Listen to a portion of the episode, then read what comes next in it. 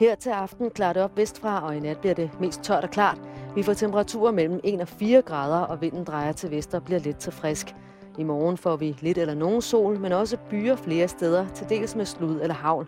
Temperaturer omkring 5 grader og jævn til frisk vestlig vind. Nu skal vi så til Halløj i betalingsringen. Denne gang besøger Simon Jul, skuespiller, instruktør og manuskriptforfatter Erik Clausen. Men øh, først og fremmest, Erik, tusind tak, fordi jeg måtte komme forbi. Velkommen. Dit dejlige atelier her på Vesterbronx i København. Øh, men tak for kaffe. Det er meget stærkt. Små bidder. Men den har sådan den rigtige temperatur Den til har den rigtige, og den har den rigtige italienske flavor.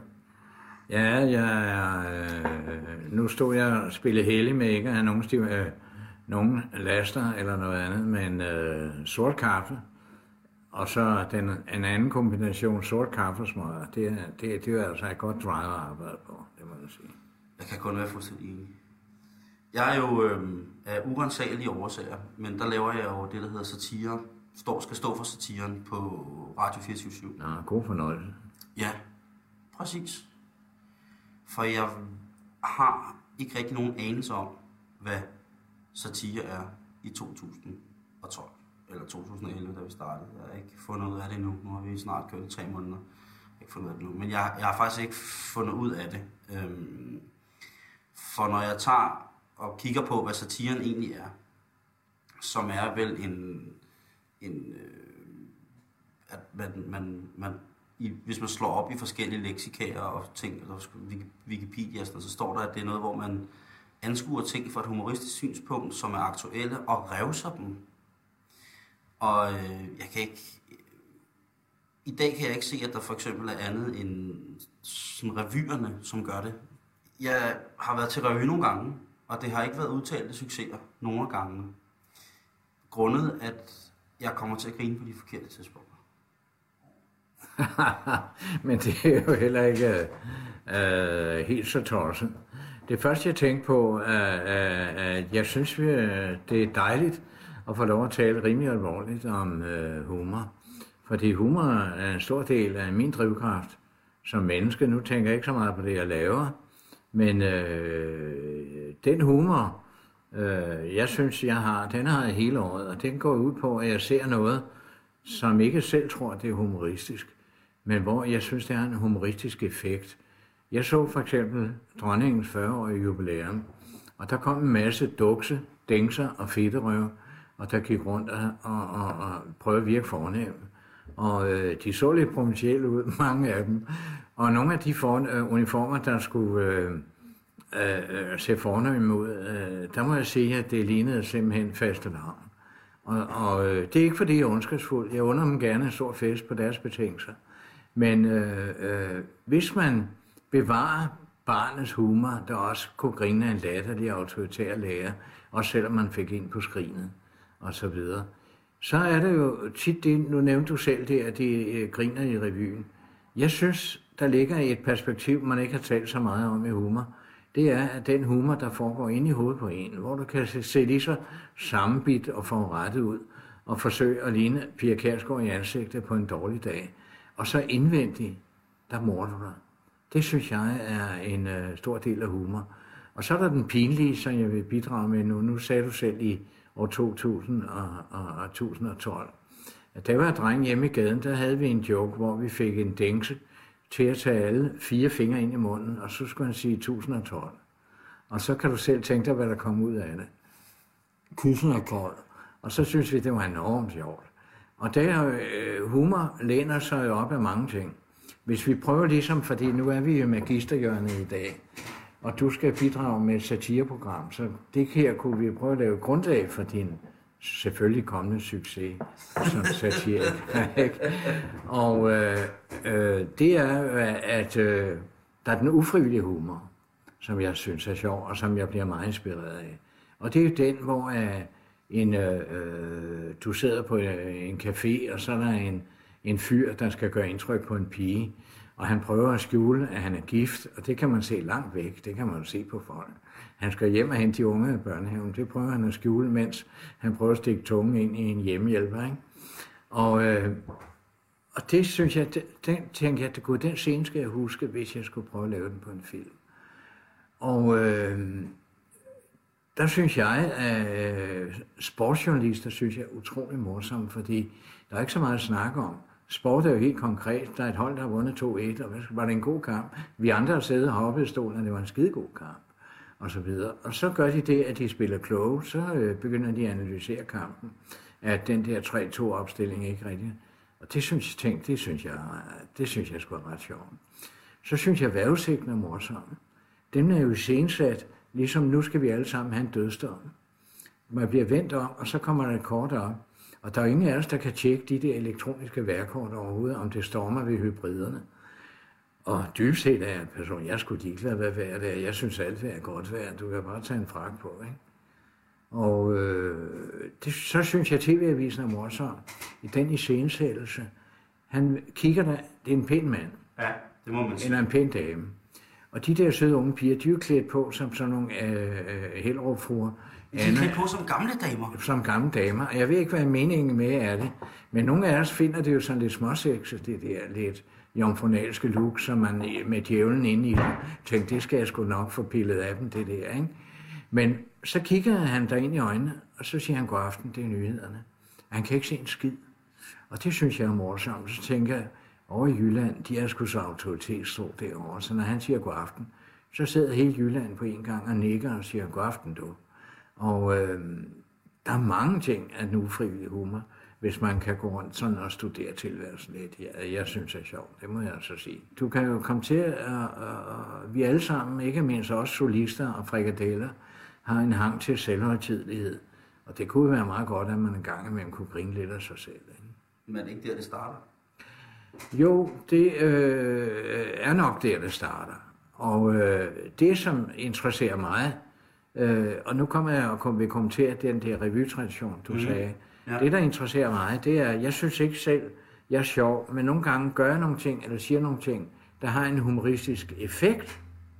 Jeg står på scenen og spiller uskyldig.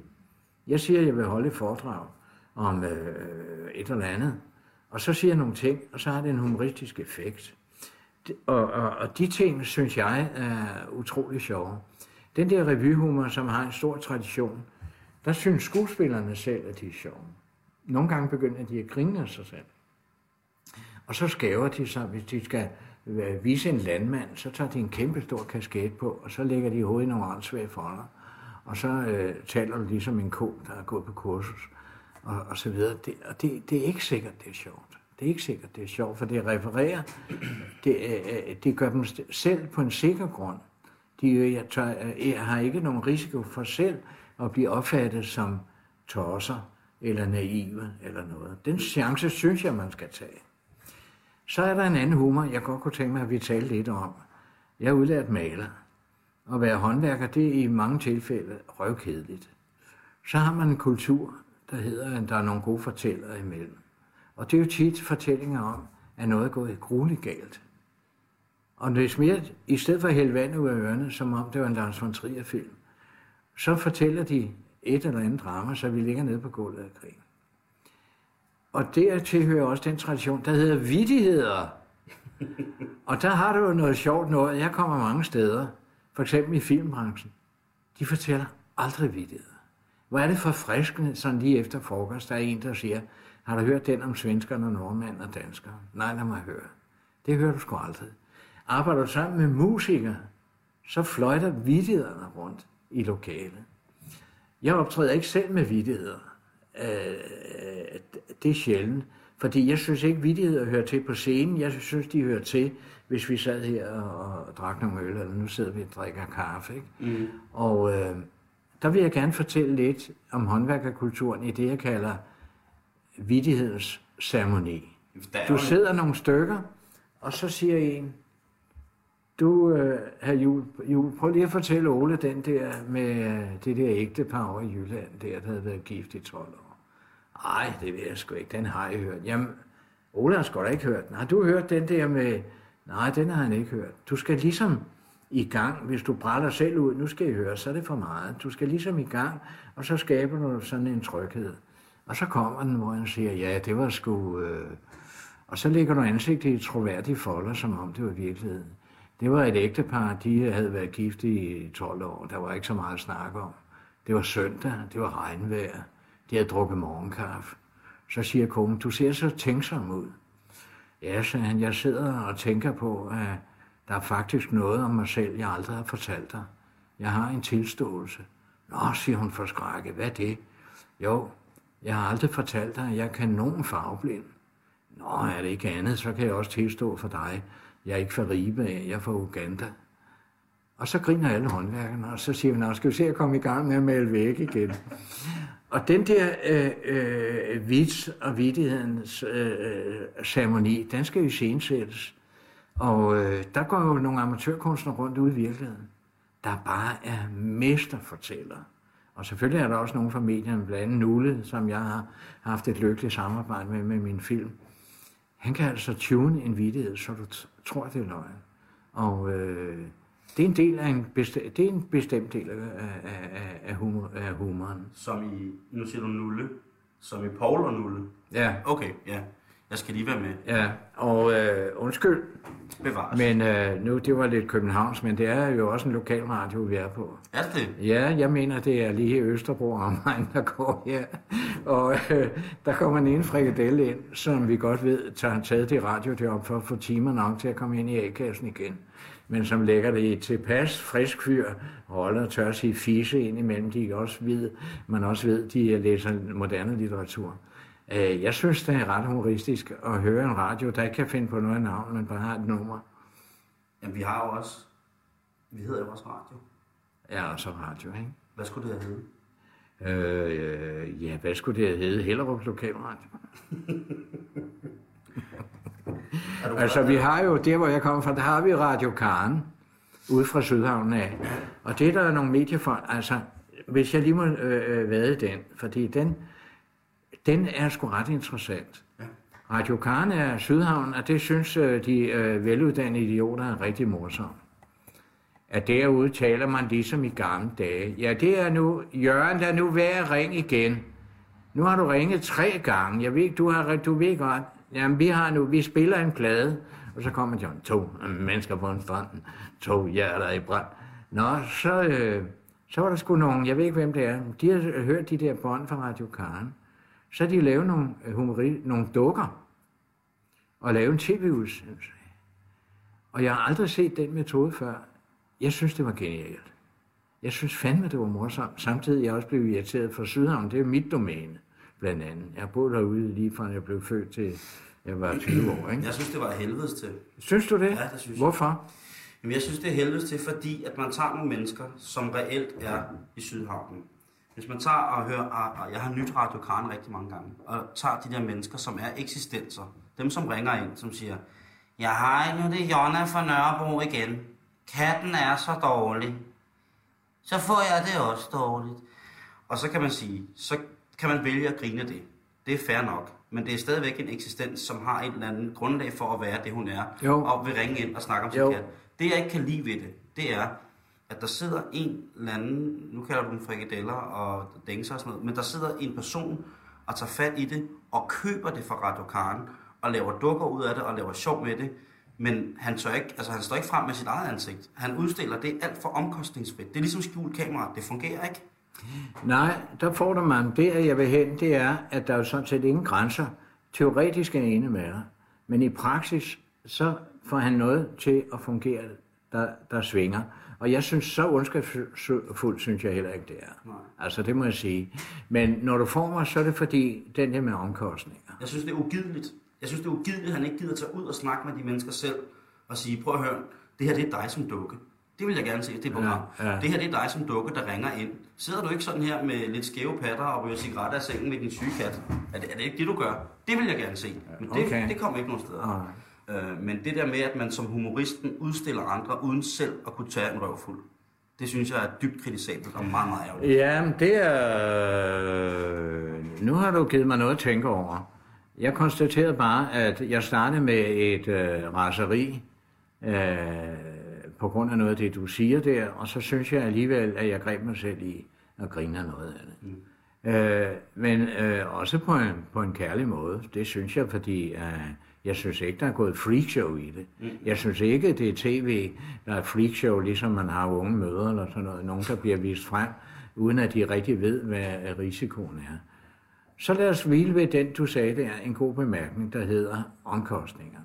Mm. Altså, jeg kan jo godt lide, at nogen øh, går på ja, enten det er film eller scenen med deres hjerteblod og giver sig selv. Og det er også derfor, vi kan lide at se Mikkel Kessler bokse. Af gode grunde, så er det jo indbygget i boksningens natur, at du skulle nødt til at, at, at gøre et eller andet ved det, ellers går det galt. Ikke? Mm. Øh, og det øh, er der mange, der øh, gemmer sig bag, at de går ind ligesom og overtager scenen. Og nu kommer jeg til en af mine yndlingsobservationer. Ironi. Så i stedet for at være humoristisk og spille uskyldig, så kommer du ind og ironisk.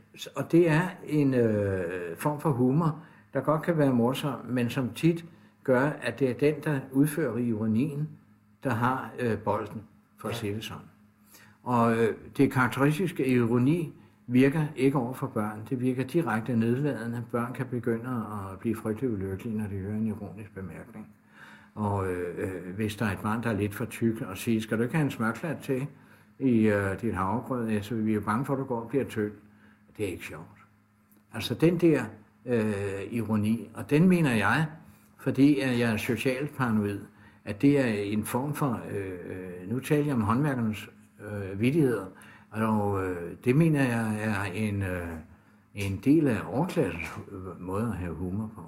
Det er mere en mere ironisk øh, øh og distanceret øh, humor. Men lad os lige gå videre, fordi øh, øh, nu var vi konkrete, og lige pludselig gik der smagsdommerne i det, og så videre, som jeg selv synes er en meget morsom udsendelse. Og øh, jeg ved ikke, om de selv er klar over, at her på Vesterbro, der er vi nogen, der trækker et par kolde vejer op, og så er vi ved at dø og grine af dem, der har smagsdommer. Jeg synes, det er et fuldstændig umuligt job øh, øh, i, i forhold til det. Det må de selv om. De sender det sent. Jævne flittige folk er gået i seng og sover trygt. Øh, man bliver træt af hårdt arbejde. Nej, øh, satire, du nævnte selv. Den politiske satire. Og den der revysatire, som, hvor at der kommer en ind og klæder sig ud som dronning Margrethe og sådan noget. Det er igen. En, igen, ikke? Det er sådan en tradition, og den er enormt tryghedsskabende for publikum. Og jeg mener, humor skal være foruroligende på et eller andet plan.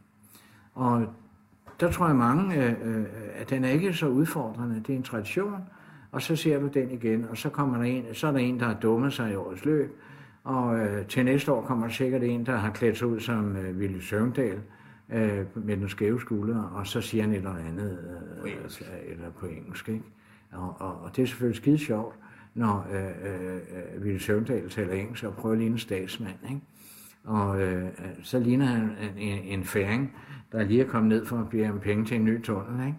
Og, øh, øh, men det, øh, den ægte Ville Søndal er sandsynligvis sjovere end ham på scenen. Og øh, den der øh, politiske satire, som er jo lige fra Olsenbanden i den ene ende til, øh, til Brixteater i den anden ende og så videre. Og der kommer jeg til en pointe, fordi nu fordelen ved at blive ældre, det er, at du kan lave sammenlignende litteratur med dit eget liv. Og øh, der er ligesom i de senere år, de sidste 20 år, at jeg er kommet til at fylde utrolig meget, meget mere end viden. Og øh, der er nogle af stand af din generation er noget yngre. Og øh, de taler meget om jeg, og de havde, jeg, jeg havde tønsket, da jeg skulle ud med pigen der, og så stod jeg der, hvad gør man? Og, øh, der kunne jeg godt bruge noget øh, politisk satire. Men jeg tror, at nogle af den yngre generation ikke gør det, fordi du sagde ordet før, revse. Det er at spille klog. Mm. Det gider de sgu ikke. Så vil du hellere spille dum. Men det er en dialektik, altså en dobbelthed, fordi drengen i kejserens nye klæder, han var jo også dum og udvidende og hoppe ikke med på den og stille det spørgsmål. Og i Commedia dell'arte-traditionen med klovne, der er det jo altid dumme Peter, der får øh, sat noget af tankerne i gang mm. og vende tingene på hovedet. Og hvis vi tager min yndlings og mit store forbillede, Charlie Chaplin, så spiller han jo en meget naiv, fattig vagabond. Men han er aldrig så usel, så han mister sin værdighed. Og det er det, folk godt kunne lide, at, øh, eller vi kan, mange kan lide, det er, at han er aldrig derude, hvor han hælder vand ud af ørerne. Han bevarer en eller anden stolthed. Og øh, selvom han kun har sin sko, han kan spise, så sidder han og spiser ordentligt.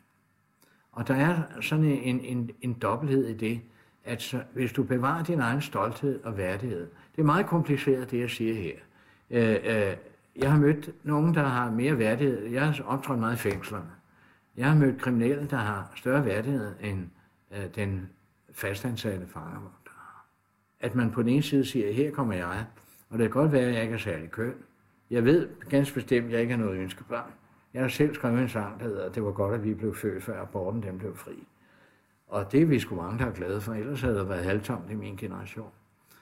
Og, øh, men det som øh, bevarer sin egen suverænitet på en eller anden led, det kan jeg sgu godt lide. Den politiske satire, med, som vi kender fra Dario få, han tager fat i en eller anden aktuel ting og, og laver satire ud af det.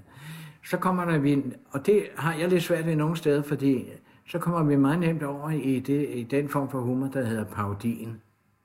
Ja, nu går jeg ind og paroderer, jeg ved ikke, hvem jeg kunne parodere, men nu går vi ind og paroderer, øh, hvem skal vi sige, et eller andet. Og så, går, øh, så finder vi en, der kan ligne øh, øh, øh, prins Joachim, og så går han ind og paroderer ham. Og øh, i øvrigt synes jeg, jeg så noget af, af dronningens jubilæum, at jeg ved, ved hvordan, øh, hvis jeg skulle lave en film med de, nogle kongelige, hvordan jeg skulle instruere skuespillerne. De skal bare se fuldstændig verdensfjerne ud. De skal have et udtryk i øjnene, som om de slet ikke er der.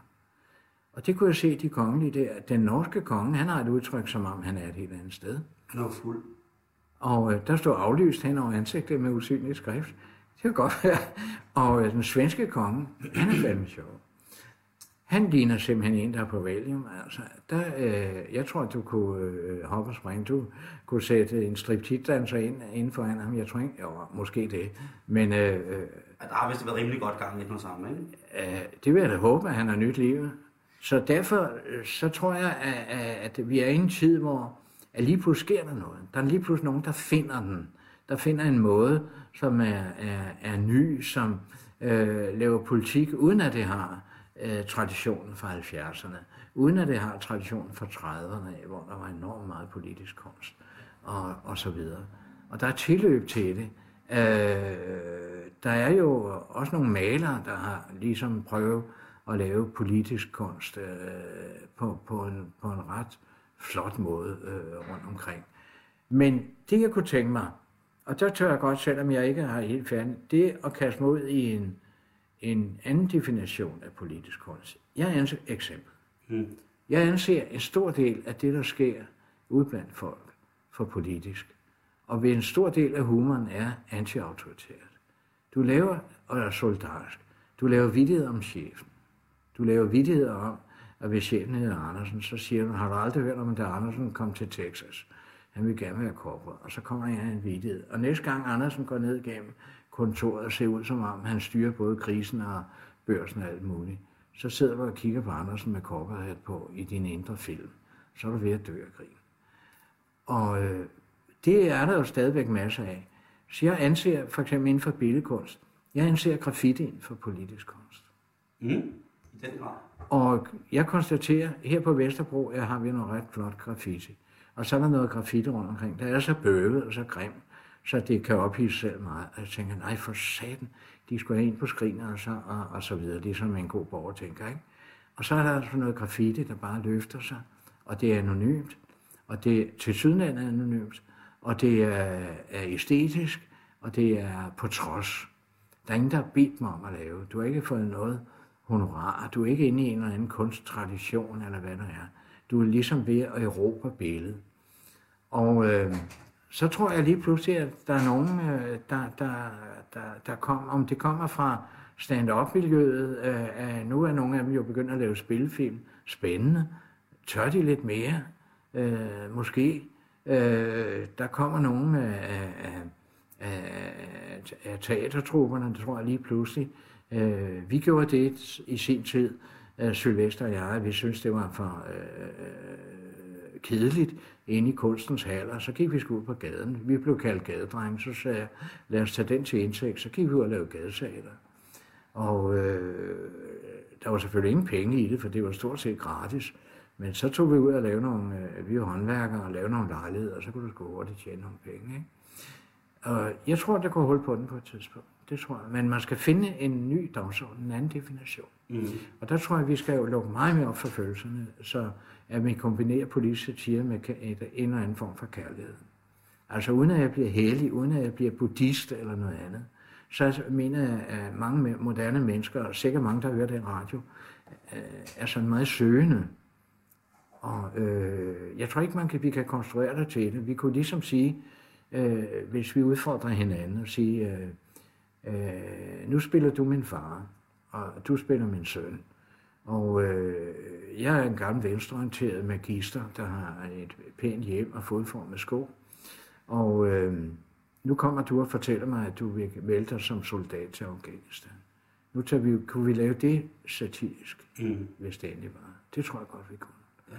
Ja. Øh, vi kan også lave den dramatisk. Og øh, lige pludselig vil du sige, jamen, du lader som om, at du er bange for, øh, fordi øh, satiren kan også afsløre løgnen, så vil du måske sige, jamen du lader som om, du er bange for at miste mig, fordi du siger, du elsker mig.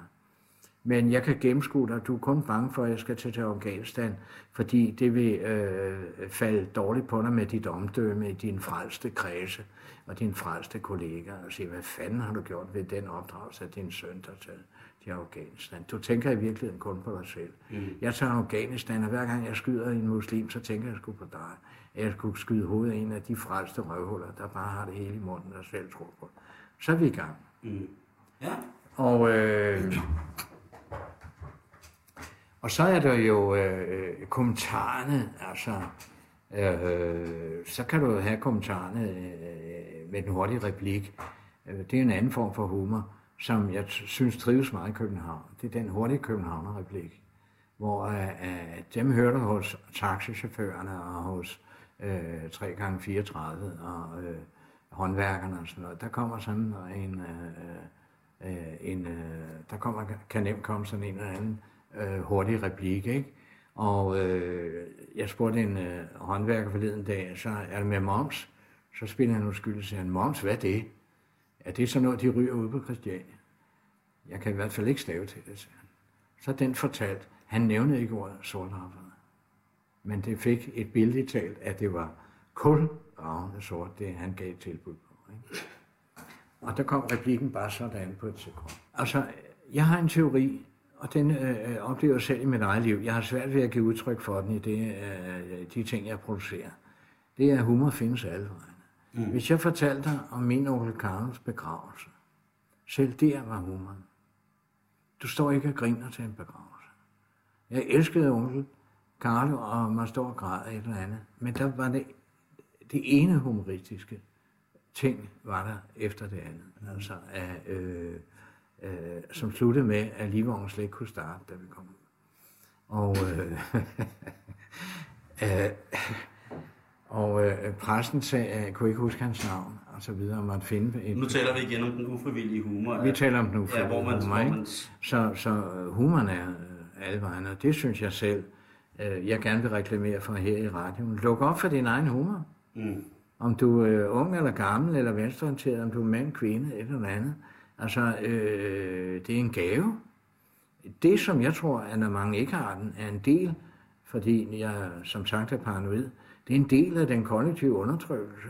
Det kan jo ikke nytte noget, at vi har en befolkning, der synes, livet er skideskægt. Vel? Så kan det være, at man begynder at nyde livet og ikke gad arbejde så meget. Det kan også være, at man synes, det var sjovt at passe ungerne. Det kan også være, at man synes, det var sjovt at give en hel masse væk.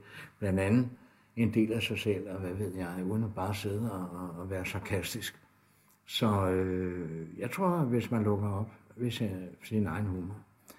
Så er der en anden, en gammel tese, det er, at humoren er altid anti-autoritær. Ja, det var du inde på også til at starte med. Ja. Og øh, hvis vi forfølger den, så siger vi, øh, og der er jo en ny tendens. Øh, du fik mig op at hænge og op at stege lidt før, fordi øh, at øh, skal vi gøre nær nogen, der ligger ned. Mm.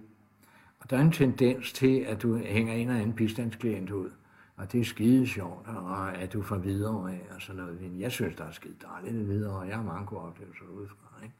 Og, øhm, eller Sydhavn, eller hvad det nu er. Eller fra Bølandet, ikke? Og, øh, og, og, og, og der er en tendens til sådan en vis kynisme, synes jeg, mm. i, i noget humor. Altså, jeg synes, man glemmer mennesket, som i mennesket, og så bliver det, så bliver det individets gøren og laden, som bliver hængt ud til, til fordel for en, som skal være afsender på det, på det hele. Ligesom jeg synes, det er det, jeg har skabt her. Ja. Nej, det har du ikke. Du har ikke skabt øh, fire generationers dårlig social arv med en alkoholisk far og en skizofren storebror og en transseksuel mor. Det er ikke dig, der har skabt det. Du har ikke lavet det individ, som nu er produkt af lige præcis den, de før omtalte mere eller mindre heldige situationer eller skæbner, som vi har talt om. Det er ikke dig, det må du ikke være afsender på, for det har ikke kostet dig en fucking krone. Det er, du har taget nogle møder med nogle mennesker, som sidder på nogle produktionsselskaber, som skal stille penge til rådighed, så du kan få, øh, få afreageret for din manglende dukkeføruddannelse et eller andet sted. Og så skal du have nogle grafikere til at lave noget sjovt med lyden, og at, at, altså, så synes jeg sgu dog alligevel, det er bedre, hvis stand up kører tingene indad selv og hænger sig selv ud. Mm, det er rigtigt nok.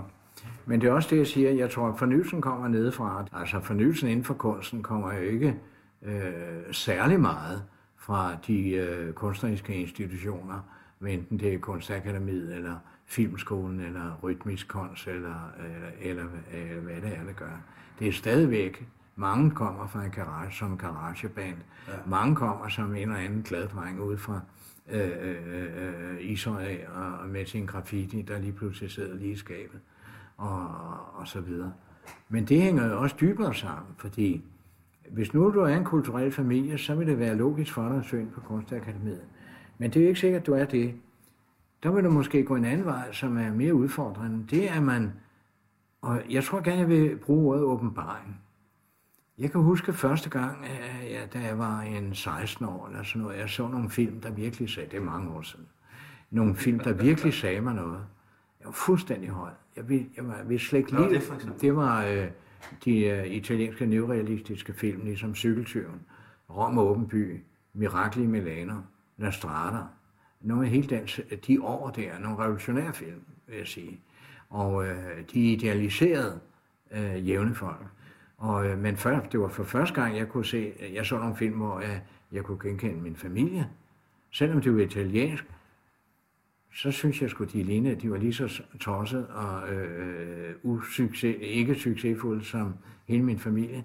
Jeg synes, de gader, de gik i, lignede Sydhavnen, som der dengang var fyldt med kraner og skibe, og øh, store fabrikker, hvor der arbejder tusindvis af mennesker. Når sirenerne hyldede, så cyklede der tusindvis af mennesker hjem på en gang. De beder mig da også i den italienske, da jeg så malerier første gang og et eller andet. Så det der, at du opdager kunsten ved tilfælde, ved leg, sammen med nogle kammerater og siger, vi laver sgu en trio og sådan noget. Lige pludselig opdager du musikken. Den der åbenbaring, det er som, fordi du er uskyldig. Det er nyt for dig. Og så øh, opdager du, at der er en masse muligheder for at komme ind i lyset. Tænk, der er nogen, der klapper af dig, mand. Ikke? Der er nogen af os, som jo simpelthen øh, jo øh, måske ikke engang er særlig øh, velkomne her til tilværelsen. Ikke? Altså, hvor, øh, hvor mange mennesker bliver, for at øh, blive egentlig mødt med en gestus, det er ikke særlig meget, så vi er ikke særlig festlige. Og der synes jeg, der ligger nogle, øh, en drivkraft i, der ligger et paradoks i, at, at, at hvis du uh, selv kommer på sporet af magien i uh, en eller anden form for kunst, og du oplever den selv, det er stort. Ja. Det er smukt. Hvornår begyndte du selv at tænke, nu er det det, jeg skal lave det her? Det tænkte jeg ret tidligt, allerede i 15-16 års alderen. Og øh, jeg kendte ikke så meget til kunst eller vi kendte ikke sådan rigtigt til øh, de største kunstneriske oplevelser, det var, når der kom et omrejsende Tivoli her på Plads.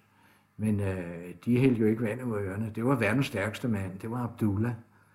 Han kunne rulle med maven, og så kunne han få hjertet til at stå stille, påstod han. og så var det, at dødstromene, de kørte jo på væggen. Ja. Og øh, når de, der kørte, der, der, der kørte dødstrom, de så ikke for slidt ud, ligesom vores fædre de rankede ryggen og lignede Clint Eastwood. Og øh, så var der mavedanserinder og så videre, så var det så skønne, som man ikke kunne sove i. Det var, hvad jeg havde af kunstneriske oplevelser. Og så min moster Gerda, hun sang jo. Og, og onkel Svend spillede harmonika. Han spillede skide godt. Øh, han var kommunist og ville ikke holde juleaften. Der lå han på sofaen og råbte mellem hver sang, hvornår skal vi have gave? Og, øh, og Gerda sang trist, sang, øh, sørgelige sange om øh, sø, øh, sådan nogle, øh, vi, øh, de græd alle sammen. og det var om en sømand, der druknede, og i hans, til sidste af 12 verser, og sidste vers slød i hans hjem en fattig stue, sidder nu drengens mor. Under lampens klare lue, og hun læser kaptajnens ord.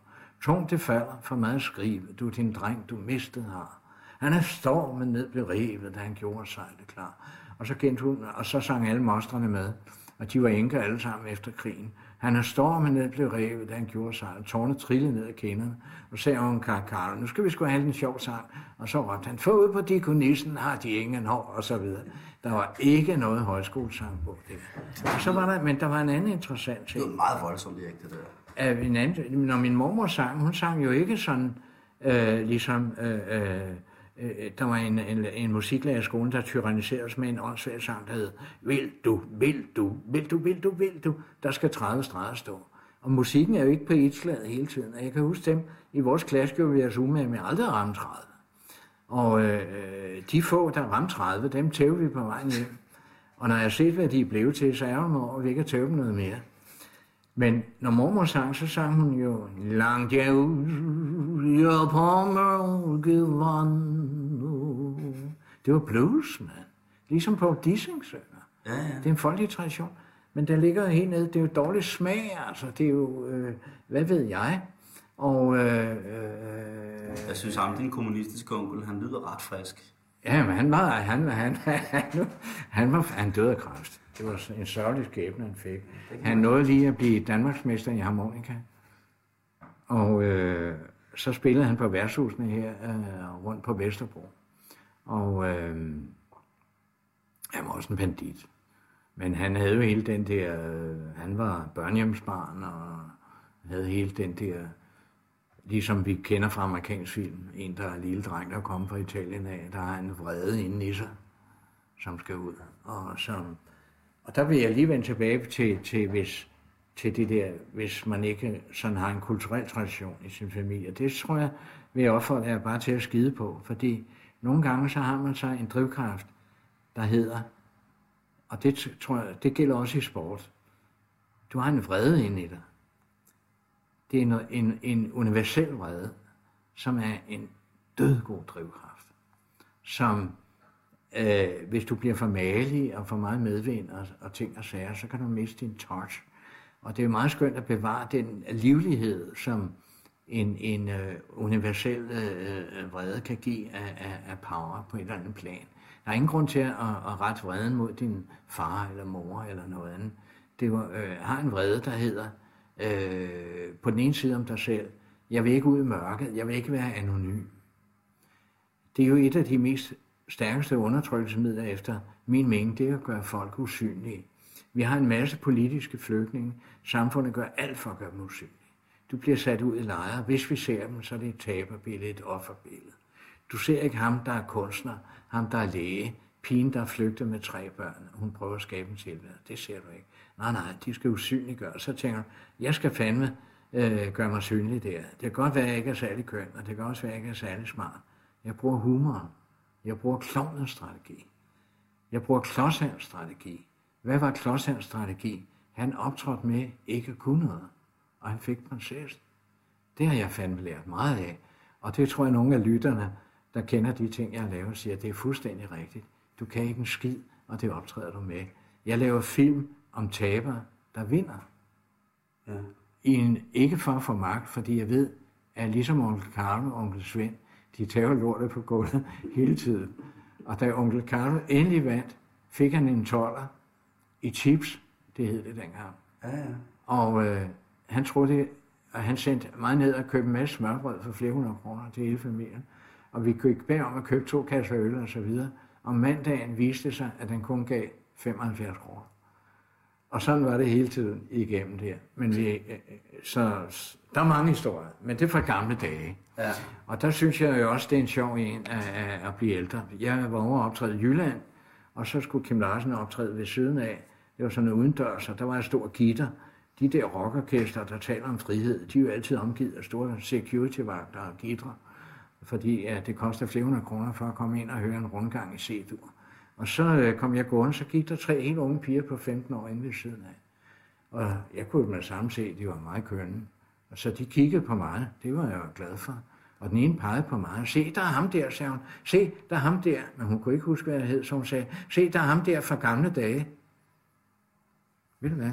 Så er den der reddet. Så kunne jeg grine hele vejen hjem. Så ligger der jo også navne, synes jeg er humoristisk. Når vi sidder her og øh, laver manuskript, alt efter generationer. Og der er nogle gange, at der er nogle navne, der ikke passer til et bestemt barn. Ja, det er eller hvad det ikke. Jeg var over i Jylland og kom og snakke med et ung par efter showet, og de stod med en babylift, og der var en lille øh, skaldet baby nede i, og siger, nå, er det en dreng? Ja, det er en dreng. Nå, hvad hedder han? Han hedder Jørgen. Tænk, det synes jeg var sjovt. Nu kan man høre derhjemme i et planshuset. Gider du skifte Jørgen? Og, og, og, og lige pludselig Jørgen græder et eller andet. Og, og det kan godt være, det er mig, der er noget i vejen med, men øh, det synes jeg var morsomt. Sådan er det altid, det synes jeg også. Der er jo også der er jo, der er jo forældre, der finder ud af, at de har givet deres børn et voksen navn, før de blev voksne. Altså, netop for eksempel Jørgen, ikke? Ja. Øhm, Det er noget, din onkel hedder. ja, jeg har jo en god, øh, nogle, nogle gode bekendte, som, øh, som lige har fået barn. Og øh, der er ikke, var ikke nogen tvivl i hverken faren eller moderen selv, om at deres nyfødte søn, han skulle hedde Ole. Ja, det synes jeg altså er sjovt. Han hedder Ole Madsen. øh, og, øh, og når man ser, men det er så så godt, for når man så ser Ole i dag, Ja. ser Ole Madsen i dag, så er det Ole Madsen. Jeg hører meget sådan i min aldersgruppe, ikke? Medio 30, folk der siger, jamen han skulle aldrig nogensinde hedde Mads Christian Nikolaj Valentin. Han skulle måske i virkeligheden bare have heddet og så kan jeg sige, skulle han have heddet Marianne, for eksempel? Men du har jo, øh, du har jo, og, og, og der er det jo også mange øh, folk i dag, øh, mange unge i dag gør mere ved deres liv, end vi andre gør i vores generation, så de tager selv et navn på et tidspunkt. Ja, det er Fordi rigtigt, du. hvis pigen hedder Marianne, så finder hun ud af, at hun hellere vil hedde Felicia, eller noget andet noget, der lyder lidt som fanfare. Ja, det er jo en flugt af den helt store. Ja, det kan man sige. Men øh, jeg snart diskuterede med en gut, og han havde skændt med hans far, der hed Preben, Skide godt navn. om der var nogen i dag, der kunne finde på at kalde deres uskyldige lille dreng for Preben. Det mente sønnen jo ikke. Så han undersøgte. Og det er rent fa- faktuelt. Der var ikke døbt et drengebarn i øh, Danmark siden år 2004, der hed Preben overhovedet. Jeg, jeg, synes jo, sådan nogle gamle navne på den måde er pissegode. Ved du hvad? Jeg har opdaget forleden dag, jeg, ved, jeg tænker ikke så meget over alder.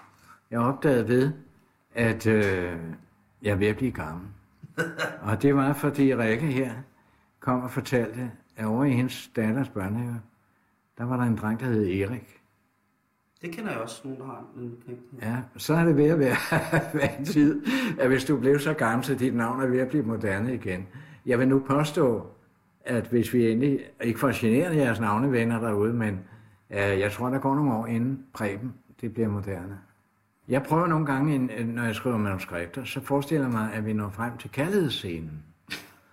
Og så skal Og skuespilleren, mandlige skuespiller siger, åh, jeg elsker dig. Og så vender han, vælter han hende om på den IKEA-sofa, vi har lånt. Og så skal hun sige, åh, Preben, det er, det er så svært at spille. ja, Eller også skal hun sige, åh, Bjarne.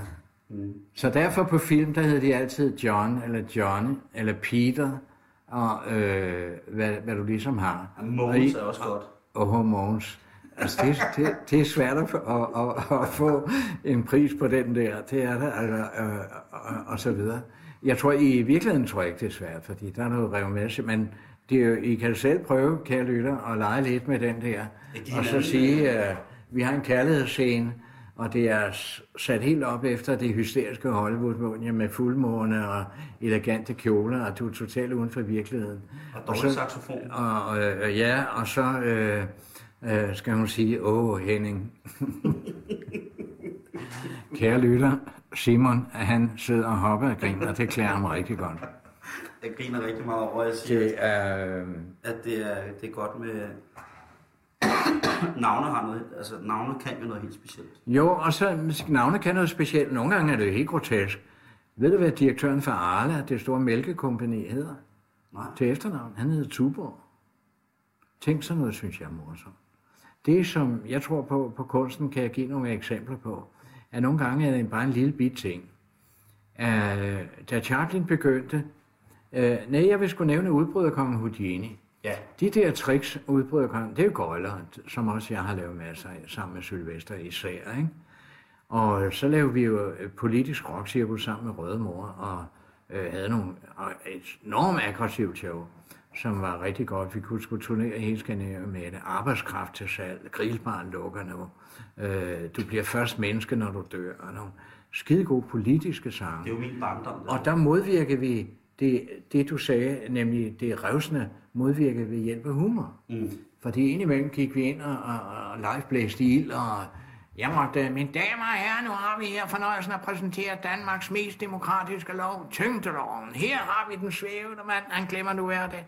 Og så brugte jeg altså, og så kom der rockmusik, og Troels Trier, du bliver først menneske, når du dør. Og øh, det er der bare grønt lys, og så er der ud af med, øh, med hvad, hvad ved jeg.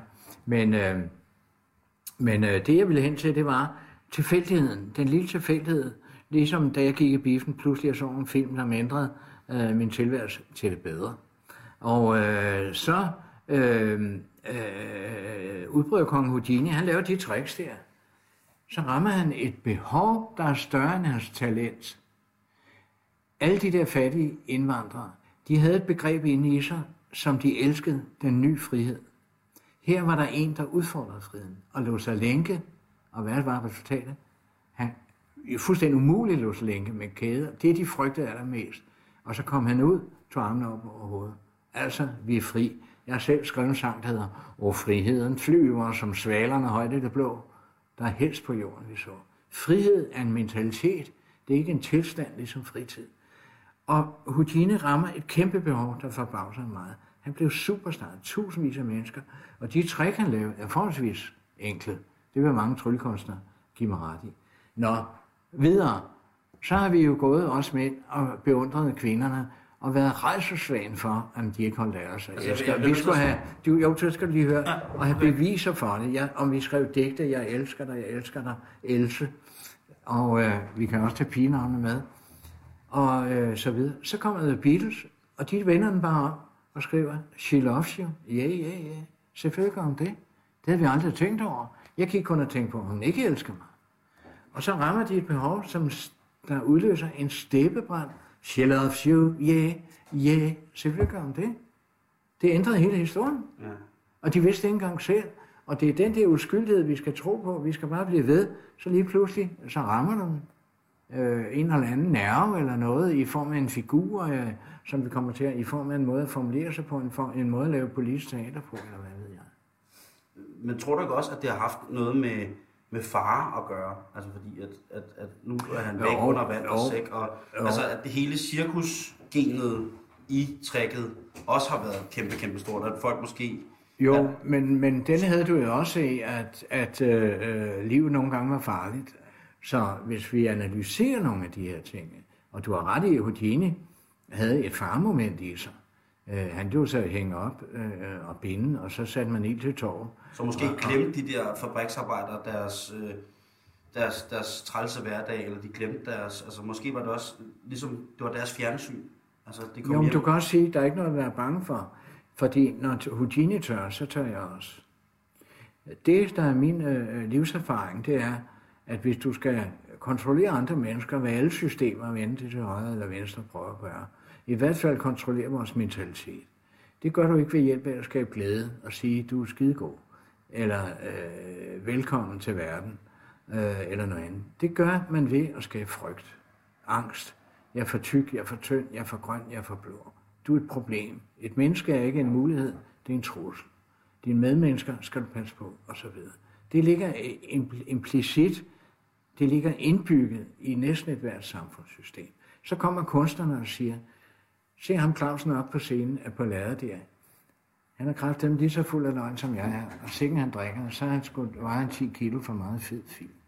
Hvad fanden bilder han sig ind at være så dum og grim, og så gå ind på lærret? Det svarer til klodshals.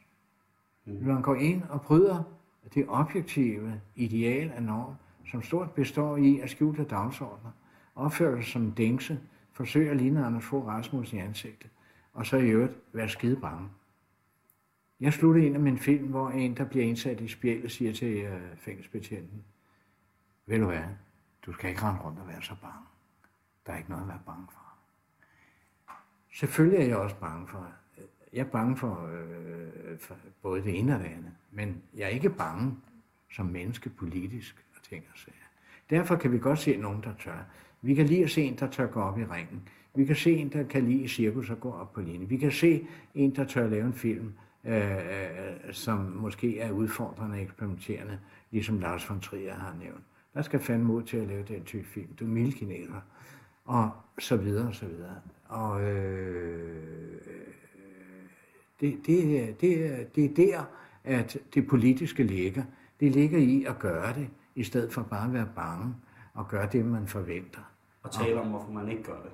Præcis. Og hvorfor, ja, og ikke gør det. Så gør det man, ikke? Øh, nu har du været politisk aktiv med nogle forskellige budskaber, øh, men hvorfor du aldrig selv er røget ind i politik, sådan helt konkret?